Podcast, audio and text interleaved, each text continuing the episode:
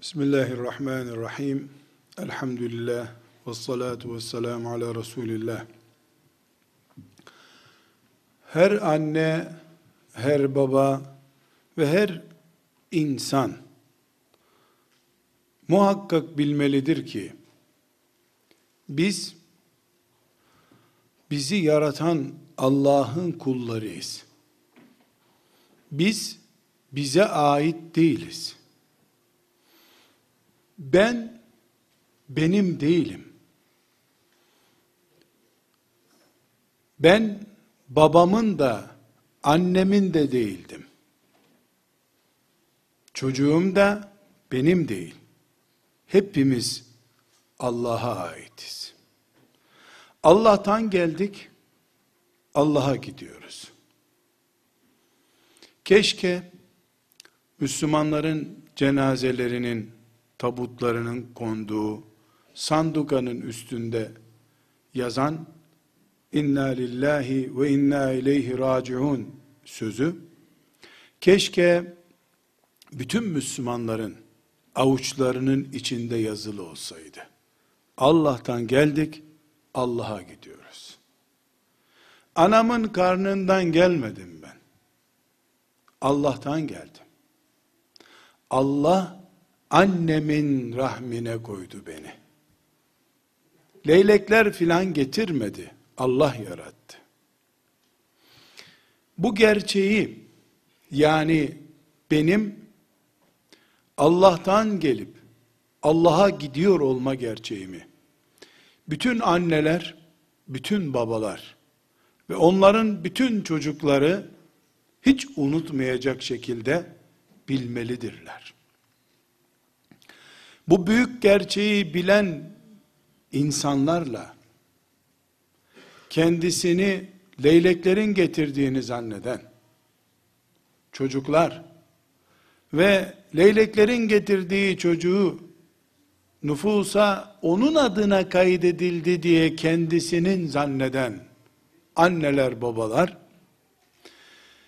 bir dereyi yokuş yukarı doğru akıtmak kadar ters bir iş yapacaklar demektir. Değerli kardeşlerim, madem ki biz kendimiz dahil kendimizin değiliz de Allah'a aitiz. Allah'tan geldik ve Allah'a gidiyoruz. Hepimizin yolu o tarafadır. O zaman bu büyük hakikat bizi Allah'a giderken Allah'a ters düşmeden yürümeye mecbur etmelidir. Allah'a giderken yani bir insan zorunlu olarak elinde olmadan Allah'a doğru giderken yarın Allah'ın ona hesabını soracağı yanlışları yaparsa o acınacak bir insandır. Burada aile ve çocuk konusunu konuşmak için toplandık. Ailenin Allah'a giderken anne, baba ve çocuklar olarak Allah'a ters bir iş yapmaları mümkün müdür? Elbette mümkündür. En büyük terslik ve yanlış iş kendisi kendisini yaratamayan istediği zaman dünyaya geldiğini belgeleyemeyen ve ne zaman istersem o zaman giderim bu dünyadan deme gücüne sahip olmayan bir insanın yani kendi tapusu kendi elinde olmayan bir insanın doğurduğu çocuğunu malı gibi kullanmaya kalkması Allah'a karşı işlenecek en büyük suçtur. Bu suç alkol kullanma suçundan daha büyüktür. Çünkü alkol kullanan bir insanın tevbe ile beraber geçmişini sıfırlayıp tertemiz yapması mümkündür. Ama yanlış yönlendirilmiş bir çocuğun geçmiş yıllarını yeniden yaşatmak mümkün değildir. Çocuk üzerindeki hataların, yanlış kararların tevbe edilmesi bile neredeyse mümkün olmayan Allah'ın huzuruna çıkıldığında boyunu bükük olmaktan kurtulmanın zor olduğu hatalardır. Bunun için aziz kardeşlerim, herkes benim adım şudur, soyadım da budur. Diyebildiği gibi adını soyadını ne kadar biliyorsa her insan, her anne baba doğurduğu çocuğun kendisinin olmadığını yüzde yüz Allah'a ait bir insanı rahminde, kucağında, sofrasında, odasında, evinde emanet olarak tuttuğunu bilmelidir. Bu kanunu burada ben böyle güncelleştirmesem de aslında her Müslüman böyle bilir. Ama bildiğimiz halde bu çocuğu Allah yarattı, Allah alır diye bildiğimiz halde bazı yanlışları yapabiliyoruz. Anneler babalar olarak. Bu yanlışların bir kısmı çoğumuz için geçmiştir. Artık biz anne baba olduk, yapacağımızı yaptık. Bundan sonra ne hata ne sevap yapacağımız bir şey kalmadı diye düşünebiliriz.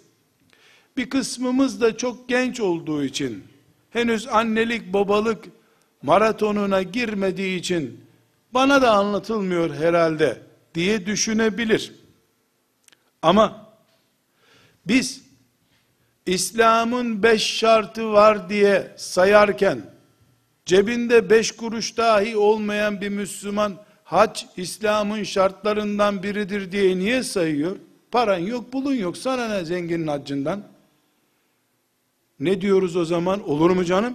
Dinimin gereklerinden biri bu. Ya bir gün nasip olursa hacca gitmek, iman edeyim ben hep buna. İşte bugün 10 yaşında bir Müslüman da olsan, henüz ne evlenmek, evlenmek değil odalanmak bile belki mümkün değil senin kaderinde henüz gençsin. Tıpkı paran olmadığı halde haccı İslam'ın gereklerinden birisi olarak hafızana kaydettiğin gibi Allah'a iman eden bir Müslüman olarak bugün çocuğun bulunsa da bulunmasa da çocuk konusunda mümin olarak neye inandığını bilmen gerekiyor. Bugün yok çocuğum, yarın olur. Dün vardı, bugün yok, olsun. Ben neye iman ettiğimi, nasıl düşündüğümü bileyim, aklımı ona göre ayarlayayım, müminler beni öyle görsünler. Allah'ın melekleri öyle kaydetsinler, kıyamet günü çocuğu olsaydı nasıl muamele edecekti diye melekler beni kaydetmiş olsunlar. Ben dirilirken öyle dirileyim. Doğurduğum çocuğumu Allah'ın rızasını kazanacak şekilde büyütmek istiyorum. Benim değil de Allah'ın bana emaneti olarak görüyorum, öyle davranıyorum. Bilsin Allah ama benim projelerim tutmamış olsun. Bir zararı yok. Nice mümin kıyamet günü belki de kılamadığı namazlar, tutamadığı oruçlar, vermemiş bulunduğu sadakaların sevabı ile cennete girecek.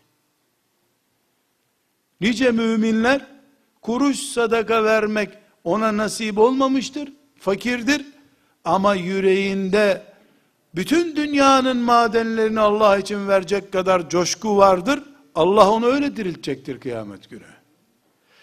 Çocuklar konusundaki kararlarımız, beynimizdeki düşüncelerimiz de böyle olmalı ki, verdiği zaman Allah, emanetinin kıymetini bileceğimizi görerek versin bize Allah, vermeyecek olsa da, verseydim bu kulumun yapacağı buydu diye bilmelidir Allah.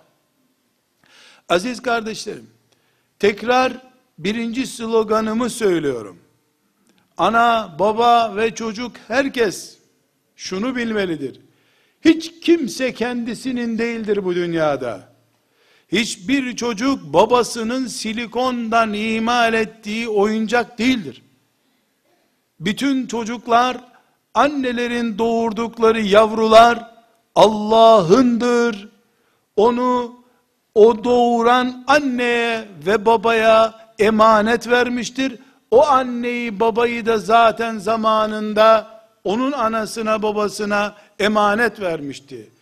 Kendi ecelinin ne zaman olacağını bilmeyen birisi başka bir cana sahip olduğunu iddia ederse komiklik olur bu. Sen bunu bırakıp gidip gitmeyeceğine dair bir teminatın yok. Sen yaşayacak mısın belli değil. Nasıl başka bir can senin olur?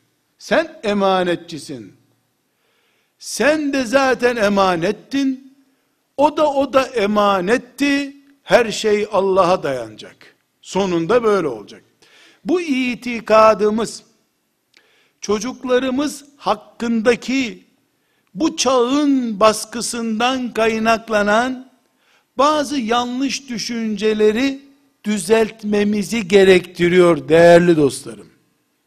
Bunların birincisi madem ki anne ve baba olarak biz inanıyoruz ki bu çocuklar bizim değil Allah'ındır. Allah yaratıyor.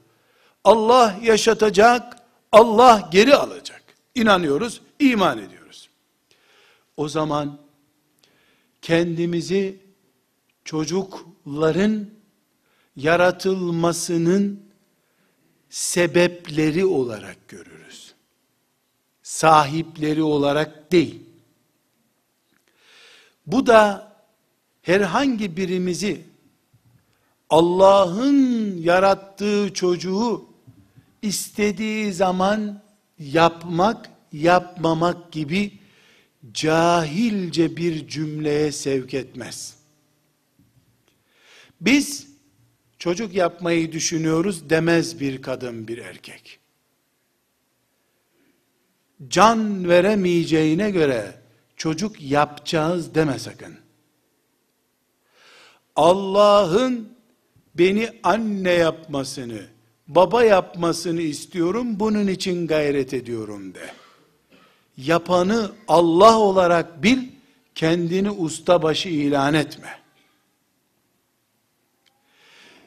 Mesela bir anne, bir baba, kaçıncı çocuğunuz bu? İkinci çocuğumuz. Bir çocuğunuz daha olacak mı? Düşünmüyoruz. Ne düşünmüyorsunuz siz? Öncekileri siz mi düşünmüştünüz önce? Yoksa Allah mı yaratmayı dilemiş ve yaratmıştı? Dostlarım, iman başka bir şeydir. Öyle Allah var demekle yetmiyor bu işler. Var ama senin nerende Allah? Beyninde nerede? Biz çocuk yapmayı düşünmüyoruz sözü. Yaratsa da Allah engelleyeceğiz demek mi oluyor? Biz neyiz? Neyiz biz? Karı koca olduğumuza dair bize bir kağıda bir imzalı mühürlü bir şey verdiler. Karı kocasınız diye. Bu mu insan yaratma makinesi? Ekmek mi yapıyorsun fırında? Dolma mı yapıyorsun? Ne demek daha çocuk yapmayacağız? Bunlar meleklerin hoşuna gitmez cümlelerdir. Bize Rabbimiz bu kadar çocuk verdi. Verirse kabul ederiz. Vermezse de ne hala başımız boynumuz Rabbimizin huzurunda eğilmiştir deriz. Kullandığımız cümleye varıncaya kadar haddimizi bilmemiz gerekiyor. Biz ana babayız, çocuk yaratıcısı değiliz. İki şey arasında çok fark var. Madem sen yaptın ikinciyi, niye ikide bir hastaneye taşıyorsun çocuğu? Hasta olmasını da engelle. Çocuk yapıyorsun madem, sağlam yap ya, şunu da doktorların başında derde sokma işte. Yap, sağlam yap şu çocuğu ya, ne sakat çocuk yapıp duruyorsun. Sağlamlığına, sakatlığına, erkekliğine, dişiliğine karışamıyorsun ama çocuk yapıyorsun istediğin kadar. Cümle çok ağır bir cümle. Mümin böyle kullanmaz bu cümleyi. Rabbim iki çocuk bana verdi der. Üçüncüsünü vermeyecek mi sorusu sorulursa da şimdilik vermedi der. Büyük konuşmaz insan. Bir kadının veya erkeğin işte üçüncü, dördüncü çocuğu doğduğunda yapmayacaktık ama kaza ile oldu. Ne demek bu yapmayacaktık ama kaza ile oldu? Kardeşlerim, lütfen dikkat ediniz. Rabbinin huzuruna çıkacak bir mümin bu cümleleri dünyada kullanmaz diyorum. Bunlar haddimizi aştığımızı gösteren sloganlar hep. Yapmayacaktık kaza ile oldu. Trafik kazası mı bu? Nasıl kaza oluyor? Allah yaratmayı planlayacak da sen yapmamayla direneceksin Allah'ın önünde. Şu güçlü tavrını ölürken de göstersen de bir 500 sene yaşasan ne iyi olurdu ya. Madem sen de karar veriyorsun, sen parafe etmeden onaylamıyor melekler madem, hepimizin bilmesi gereken birinci kanun budur. Biz yapmıyoruz. Allah yapıyor. Bizi emanetçi tayin ediyor. Ne büyük şeref. Allah kendisine secde edecek bir insan yaratmak istiyor. Beni de onun bekçisi olarak seçiyor. Şeref bu ya. Bunun için şükür secdesi, bunun için gözyaşı akıtmak gerekir. Oğlum oldu, kızım oldu diye değil. Allah beni seçti, sana benim secde edecek kulumu emanet ediyorum dedi. Bu senindir, bekle bunu dedi. Ne büyük şeref bu bir anne için. Bu ne kadar büyük bir şeref biliyor musunuz kardeşler? Bir kadın çocuk doğururken doğum esnasında veya lohusalık süresince doğumdan kaynaklanan bir sıkıntıdan dolayı ölecek olsa dinimiz ona şehit muamelesi yapıyor. Çünkü bu kadını Allah, bu babayı Allah kendisine secde edecek bir insanı beklemeye uygun bulmuş. O da görev esnasında ölü vermiş. Tıpkı Kabe'yi, İslam toprağını müdafaa ederken ölen bir insana şehit dendiği gibi ümmeti Muhammed'e bir insan kazandıracak bir kadın doğum yaparken ölecek olsa o da İslam toprağıyla İslam ümmetiyle İslam'ın Kabe'siyle ilgili bir iş yaparken öldüğü için ona da Allah şehit muamelesi yapıyor. Biz çocuk yapmıyoruz. Allah yaratıyor. Bu bir. İkincisi kardeşler biz çocuklarımızın ne erkek ne kız ne alim ne cahil. Ne hoca ne mühendis. Ne sakallı ne de sakalsız. Ne uzun ne de kısa. Ne şişman ne zayıf. Ne sarışın ne esmer. Hiçbir şekilde çocuklarımızın yaratılış tarzına karışma hakkına sahip değiliz. Allah azze ve celle ilk insandan bugüne ve bugünden kıyamete kadar hiçbir anneye ve babaya nasıl çocuk istiyorsun diye bir form doldurtturmamıştır bugüne kadar. Çocuk beklentileriniz diye bir form dolduran anne baba yoktur bu dünyada. Olamaz. Allah nasıl istiyorsa öyle yaratıyor. Bu kadar basit. Biz babasıyla annesiyle birbirimizi beğendik.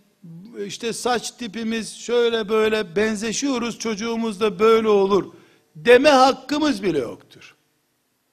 Nasıl istiyorsa öyle yaratıyor. Esmer, beyaz, alim, cahil, ahlaklı, ahlaksız, hırsız veya başka bir çeşit Allah diler, Allah yaratır. Neden? Onundu zaten. Yaratan o, sen sadece bakıcısısın. Emanetçisin. Emanetçiye de mi soru sorulacak nasıl istersin diye. Peygamberlerini yaratırken bile Allah o peygamberleri doğuracak annelere soru sormadı nasıl istersin bu çocuğu diye. Bu nedenle Müslüman anne ve baba şuna iman eder. Şöyle düşünür filan demiyorum. Dikkat ediniz lütfen. Şöyle iman eder diyorum. Hangi çocuğu verdiyse Allah bana Odur en güzeli. Belden aşağısı olmayan özürlü bir çocuk mu verdi? Odur uygun olan. Filan hastalıkla doğdu, 3 yaşına gelmez ölür dedi doktorlar, öyle bir çocuk mu verdi? Odur uygun olan. Her türlü eğitimi, terbiyeyi verdiğin halde, ahlaksız ve ailenin başına dert olan, terörist, çakal bir çocuk mu verdi? Odur uygun olan. Neden? Senin vazifen, emaneti, bekçiliği iyi yapıp ücretini alman değil mi? Sen Allah'ın maaşlı kulu değil miydin? Annelik karşılığında, babalık karşılığında sana Allah becerebilirsen bu görevi cennet vereceğim dememiş miydi? Karşılığında da annenin babanın bu sana bekçiliğine karşılık sen de ona itaat edeceksin, anneni babanı üzmeyeceksin diye çocuğuna da emretmemiş miydi? Kuralları koyan, iyiliği kötülüğü belirleyen Allah değil mi? Allah. Senin anne baba olarak ne sarışın çocuk seçme hakkın var, ne de çocuğum şu tarzda bir insan olacak deme hakkın var. Sen işçisin. Patronun işine burnunu sokamazsın. O ister şu şekilde üretir, ister bu şekilde üretir. Sana tembih ettiğini yaparsın sen. Sana şu suyu şu bardağa doldur dediği zaman sen doldurursun. Ne yapacaksın bu suyu diye patrona soru sorulur mu? Sana doldur dedi, dolduracaksın sen. İşçisin.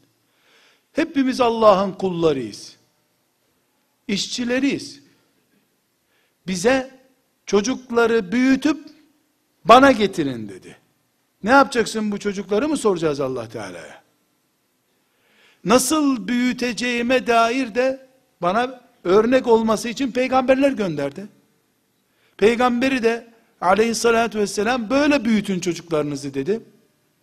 Bir Müslüman olarak çocuğumuzun sağlığından, dininden, ahlakından, tipinden, güzelliği veya çirkinliğinden, hiçbir şeyinden biz sorumlu değiliz. Görevimizi hakkıyla yaptığımız zaman. Biz çocuklarımızı büyük Müslümanlar olarak yetiştirmek için uğraşmıyoruz aslında. Çocuklarımızı yetiştirme görevini iyi bir şekilde yapmış olduğumuzu Allah görsün diye uğraşıyoruz. Bu ayrıntı çok önemli. Neden? Aksi takdirde 20 sene bir çocuğunu iyi Müslüman yetiştirmek için uğraşan anne 20 yaşında 50 çeşit çirkinliğe bulaşmış çocuğunu gördüğünde delirmek zorunda kalır. Bir baba ne vermek istediyse çocuğa, çocuk onun tam aksi olarak büyüdüğü zaman delirmek zorunda kalır. Ama çocukları bu şekilde büyümüş olan peygamberler delirmediler. Peygamberler de istedikleri gibi çocuk büyütemediler. Büyük büyük peygamberlerin rezil rezil çocukları oldu. Ne peygamberlik kıymeti kayboldu onlardan ne de delirdi o peygamberler. Çünkü bir çocuğa anne babanın yapması gereken hangi ciddi görev varsa onu yaptıklarını Allah'a gösterdiler. Gerisi mal sahibine kaldı. Zaten onun değildi o. Değerli kardeşlerim, ashab-ı kiram gibi Müslümanlıkları bütün insanlığın şehadetiyle en iyi olan insanlar bile çocuklarını istedikleri gibi yetiştiremediler. Kendileri gibi peygamber aşıkı çocuklarla dolduramadılar dünyayı. Ama o gayretle akşam sabah dolaştılar toprağın üstünde. Alınları ak gittiler Allah'a. Bizi burada örnek olarak bağlayan şudur. Herhangi birimiz filan iyi alim gibi, evliya gibi çocuk yetiştirmek arzu etmeliyiz muhakkak. Ama bir gerçeği de unutmamalıyız. Biz istiyoruz diye muhakkak olacak değildir bu. Olması için ben üzerime düşeni yapacağım. Kıyamet gününde dirildiğim zaman yetiştirdiğim çocuklarla değil samimi bir şekilde içimi dolduran hasretimle Allah'ın karşısına çıkacağım. Aksi takdirde senin yetiştirdiğin mühendis, doktor, hoca Allah'ın böyle olsun bütün kullarım dediği bir tip mi ki onu alıp götüreceksin Allah'ın önüne? Kardeşlerim burada duygularımızı, beklentilerimizi şu yüzeysel dünya şartlarından daha büyük makamlara, göklere doğru çıkaralım demek istiyorum. Çocuğum İmam Hatip'te mi okusun, Kur'an kursunda mı okusun demiyorum. Ve bunu çok çok basit bir şey olarak görüyorum. Çünkü İmam Hatip okumak, Kur'an kursu görmüş olmak, full kaliteli Müslüman olmak demek değil ki. Yine berbat olabilir. Evet senin alternatifin yok. Sen İmam Hatip'te Kur'an medresesinde çocuğunu yetiştireceksin. Bunu yapman gerekiyor. Ama kendini bir dört duvarla sınırlama. Bu çocuk Allah'a en yakın çocuk olacak diye kararın olsun. Bu karar gerçekleşecek şekilde de adımlar at. Yüzeysel kalma. Üç kuruşluk hesaplar yapma. Çocuğun ne olup olmayacağı çok önemli değil. Kardeşlerim, üçüncü bir gerçeğimiz daha, anne de, baba da, çocuk da, bütün insanlar bilsin diye, üçüncü büyük gerçeğimiz, şu fani dünyada, gözümüzün gördüğü şeyler, diplomasından, parasından, akarından, tarlasından, mülkünden, ticaretinden ne görüyorsak, bunlar hepimizin iman ettiği gibi fani şeylerdir. Geçicidir. Çoğu bizden önce tükenip gidecek bunların. Peşinden koştuklarımız, peşinden koşmadıklarımızdan önce bırakıp gidecek bizi. Dolayısıyla mümin bir insan olarak biz ebedi yatırım hesapları yapmalıyız. Çocuklarımızın üzerindeki hesaplarımız eğer çocuğumuzun iyi bir iş bulması üzerine kurulu ise yazık bize. Yazık. İşe giderken ölmek var bu dünyada çok iyi bir işe giderken trafik kazasında ölen birisi senin hesabında iyi bir iş üzerineydi. Sen fark etmeden ölümüne hesap yapmışım bunun. Evet, çocuklarımız hatta biz en iyi işlerde çalışalım. Dünyanın en büyük servetleri bizde bulunsun en güzel apartmanlarda, villalarda biz oturalım. Ama bu dünyanın değerleri tapındığımız putlar haline gelmesin. Çocuğumuzu Allah'a itaat eder gibi bir diplomaya itaat ettirmeyelim. Cenneti savunur gibi iş peşinde koşturmayalım çocuklarımızı. Aksi takdirde gelecek kuşak, sizler de görüyorsunuz, bir sonraki nesil, vatan, anne, baba veya herhangi bir mukaddesat tanımayan, işinden, parasından, cep telefonundan başka putu olmayan bir nesil haline gelecek. Şimdi zaten öyle oldu. 10 yaşında bir çocuğun elindeki cep telefonu mu değerli, anası babası mı diye bir test yapabilirsiniz. Çocuğun oyuncağının teknolojik bir cihazın onu doğuran annesinden babasından daha değerli olduğu bir dünya yaşanılır bir dünya değil kardeşler. Bu mukaddesata ölçüldüğünde din, Kabe Kur'an gibi kavramlarımız üzerinden konuşulduğunda tehlike daha da büyük demek ki. Ama bu uçuruma doğru nesilleri sürükleyen anne babalar olarak bizleriz. Çocuğumuza sen müminlerin en iyilerinden olacaksın deme yerine iyi bir okula gideceksin diyorsun.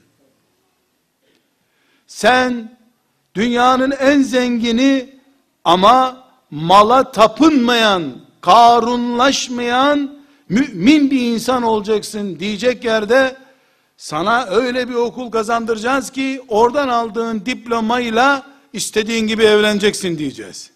Sonra da, o çocuğun, bu eğitimi biz verdiğimiz halde, evlendikten sonra, eşinin anısına ve hatırına, bizi çiğnememesini isteyeceğiz şu yüzeysel düşünceler yüzünden başımızı göklere doğru kaldıramadığımızı görmek zorundayız kardeşler.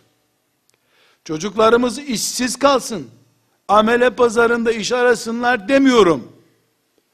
Ama şu kadar yıldan fazla ileri gitmeyecek, yüz yılı bulmayacak bir dünyayı alıp sonsuz cennetleri feda etmeyelim diyorum.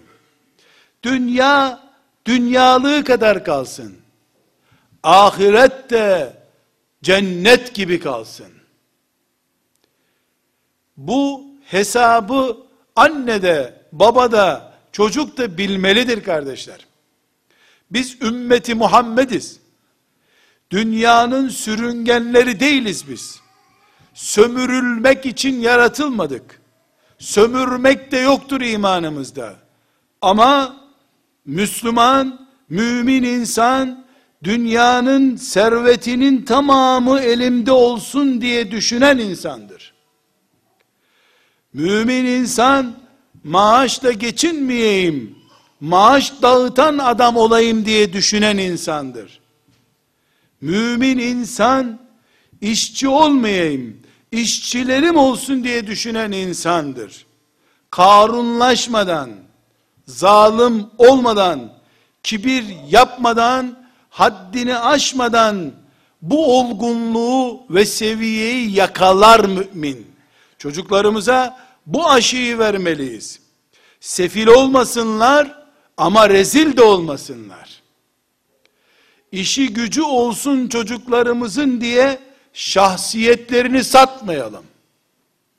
Evet çocuğumuza iş bulduk ama iş bulacak diye belki de köyde görse selam dahi vermeyeceği insanların elini ayağını öptürttük çocuğumuza.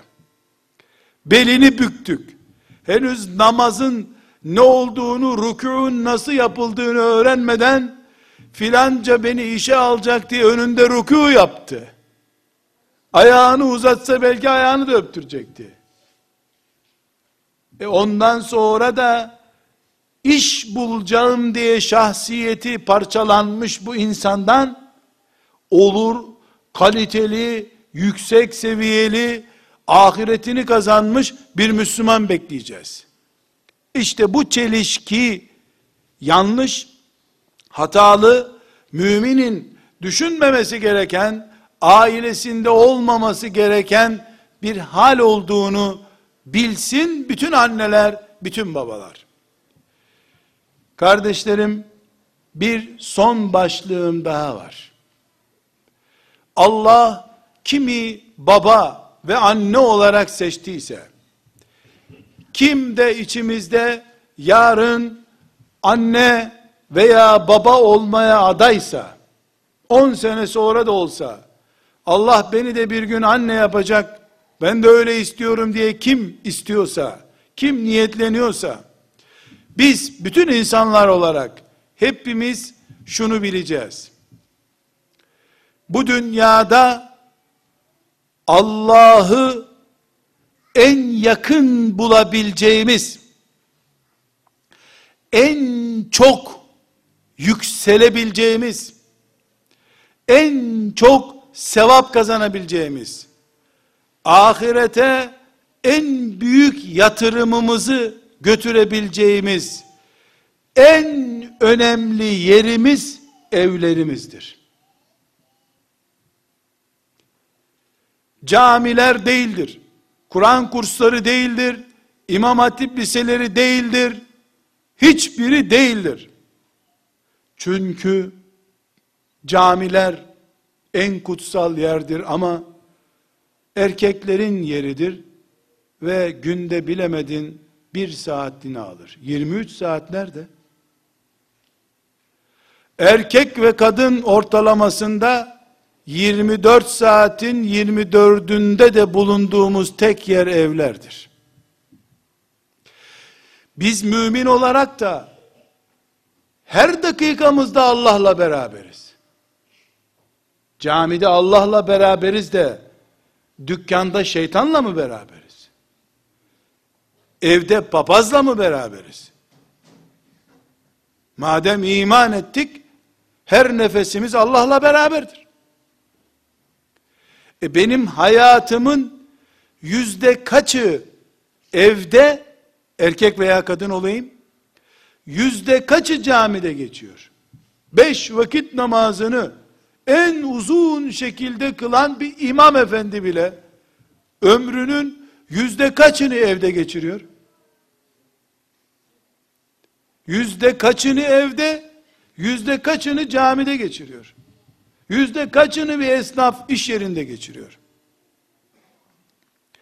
Bütün insanların Adem Aleyhisselam'dan beri hayatlarının en yoğun olarak yaşandığı yer evlerdir.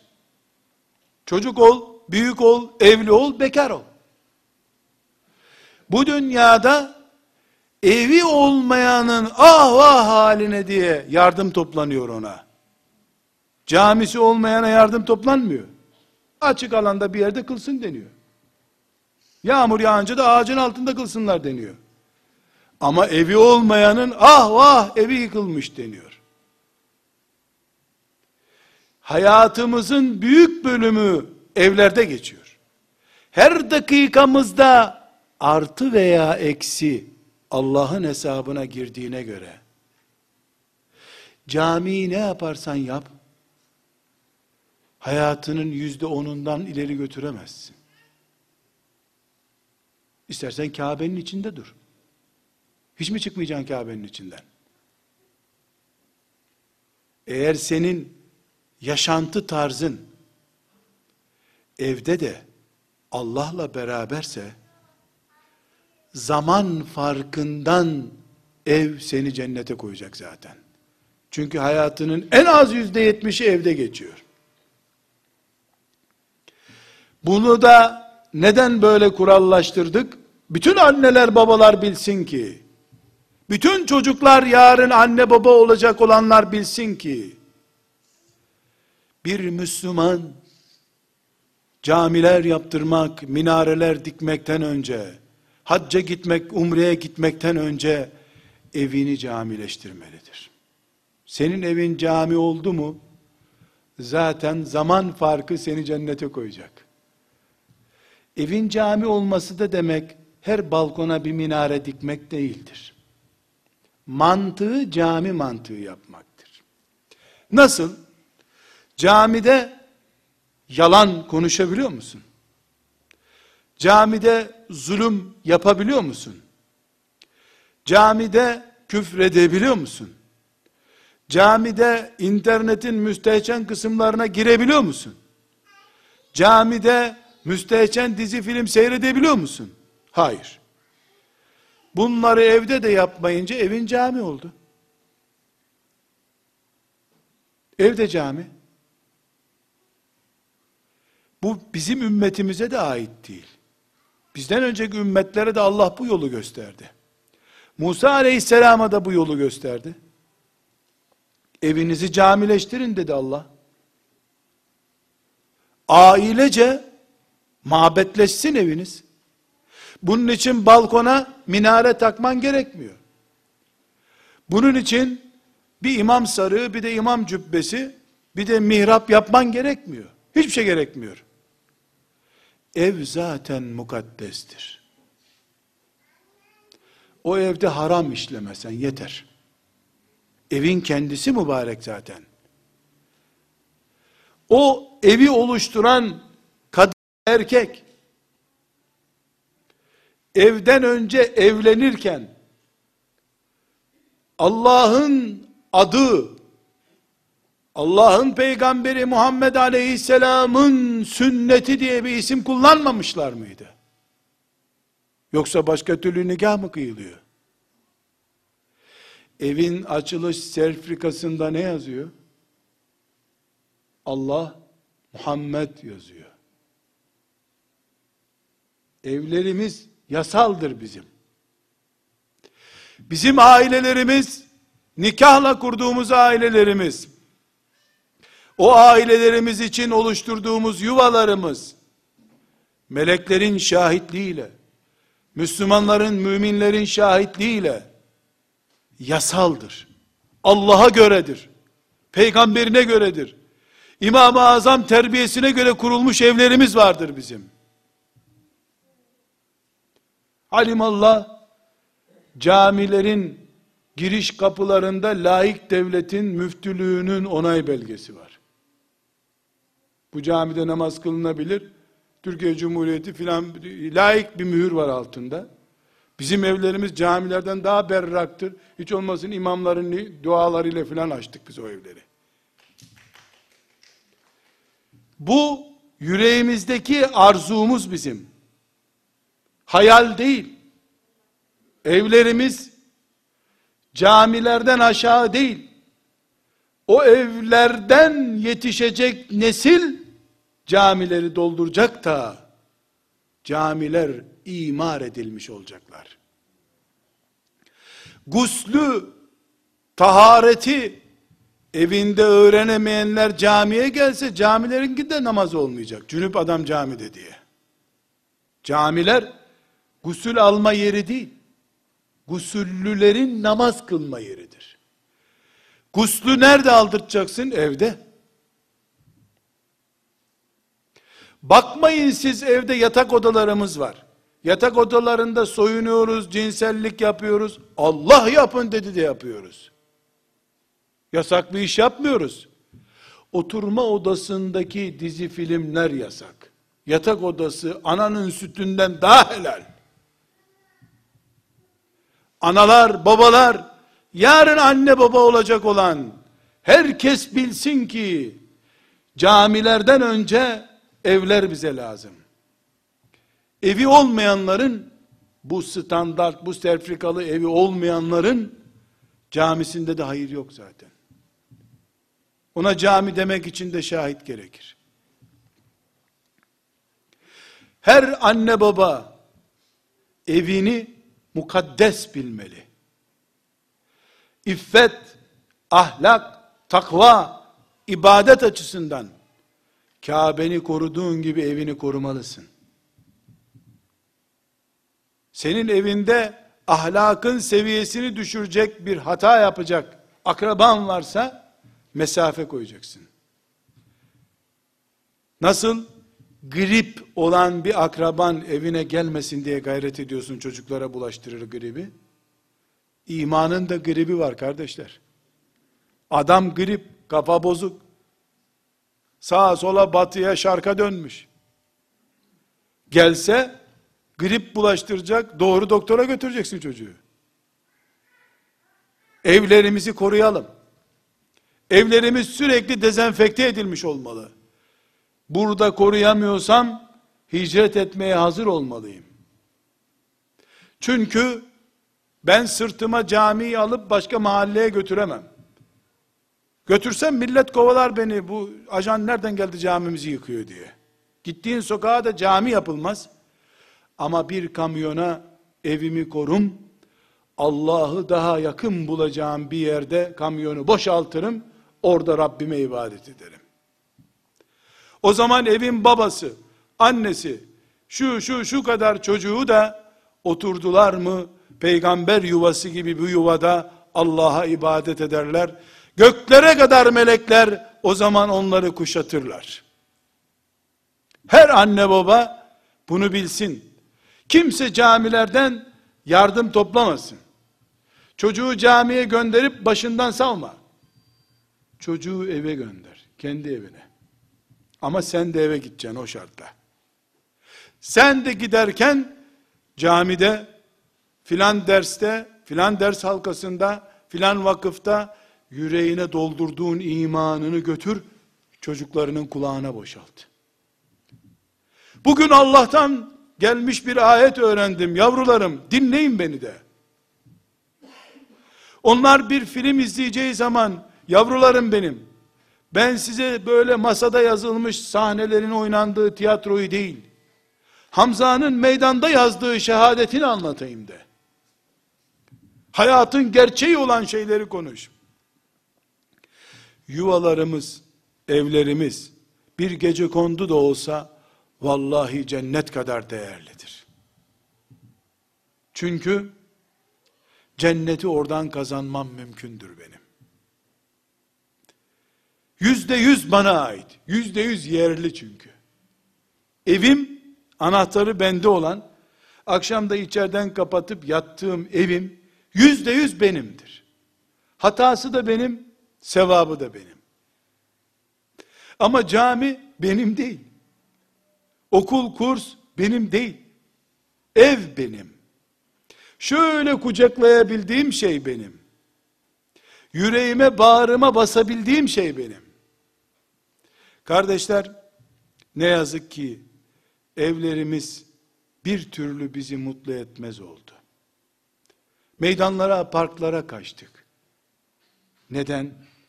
Çünkü şeytan çok iyi biliyor ki, mümin evinde huzur bulduğu zaman, o cennetten aşağı soluk almaz hiçbir yerde. Ama evin huzurlu olmadı mı? Ev sana dar geldi mi? Seni paklayacak Kabe bile yoktur. Sen Kabe'de de huzur bulamazsın. Kabe dediğin zaten senin mahalledeki caminin aslı. Aynı namaz senin mahallede de kılınıyor. Orada niye huzur bulmuyorsun? Mümin kendi evinde güneşin altında büyüyen bitki gibidir. Diğer mabet vesairede büyüdüğü zaman seradaki gibidir. Hep destekle büyür. İmam heyecanlı okursa namazdan zevk alırsın. Hele imam senin hoşlanmadığın bir iki hareket yaptıysa o camide sen namazı zaten şaşırarak kılarsın. Evin öyle değil ama ev sensin. Ve kardeşler bu anlattığım ev karısıyla kocasının kavga etmediği, çocuklarının melekler gibi babacığım anneciğim derken ağzından bal akan ev değildir. Öyle ev olmaz. O ev inşallah adın cennetlerinde olacak. Hem ne evlerimiz olacak orada. Dünyada bütün evler sorun küpüdür. Evin kıymeti de odur zaten. O sorun yumağının içerisinde Allah'ı bulduğun için kıymetli olacaksın sen. Şu kainatın en değerlisi olan Peygamberimiz Muhammed Aleyhissalatu vesselam Efendimiz bile ki ondan çok kimseyi sevmedi Allah. Onu ne kadar sevdi hepimiz biliyoruz. Kıyamadı ona. Ona kıyamadı. Hiçbir şeyinde kıyamadı. Ama öldüğünde dokuz hanemi vardı. Dokuzundan da kahır çekti. Hiçbirine de bağırmadı. Çakacağım şimdi de elimin tersiyle demedi. Hiçbir şey yok gibi oldu. Bu kadınlarla uğraşmak zaten akıl kârı değil. Kim bunları bana bulaştırdı demedi. Onlar onu ittiler. O ben sizi çok seviyorum dedi. Çünkü onun evi cennetle iletişim halindeki bir evdi. İyi biliyordu ki sorunsuz yer olursa dünyadaki ev kafirin evi olur o. Çünkü kafirin gideceği yok zavallının. Burada bari 5-10 tane koltuğu olsun. Her gün birinde otursun bari. Müminin gözü Firdevs-i Ala'dadır. Dünya paklamaz mümini. Ne Mekke, ne Medine. Müminin hiçbir yerde nefesi durmaz. Rahat edemez mümin. Kimse çocuklarını kuzu zannetmesin. Çocuklarımız imtihanımızdır, kuzularımız değildir. Hiç kimsenin hanımı da cariyesi değildir. Hiçbir erkekte kadının hizmetçisi değildir. Hep birbirimizin imtihanıyız. Sabreden, gayret eden kazanacak, bağırıp çağıran hem burada kanser olacak hem orada zarar edecek. Evlerimiz, anamız, babamız, çocuğumuz, analığımız, çocukluğumuz, babalığımız hepimiz için mübarek olsun. Selamun Aleyküm.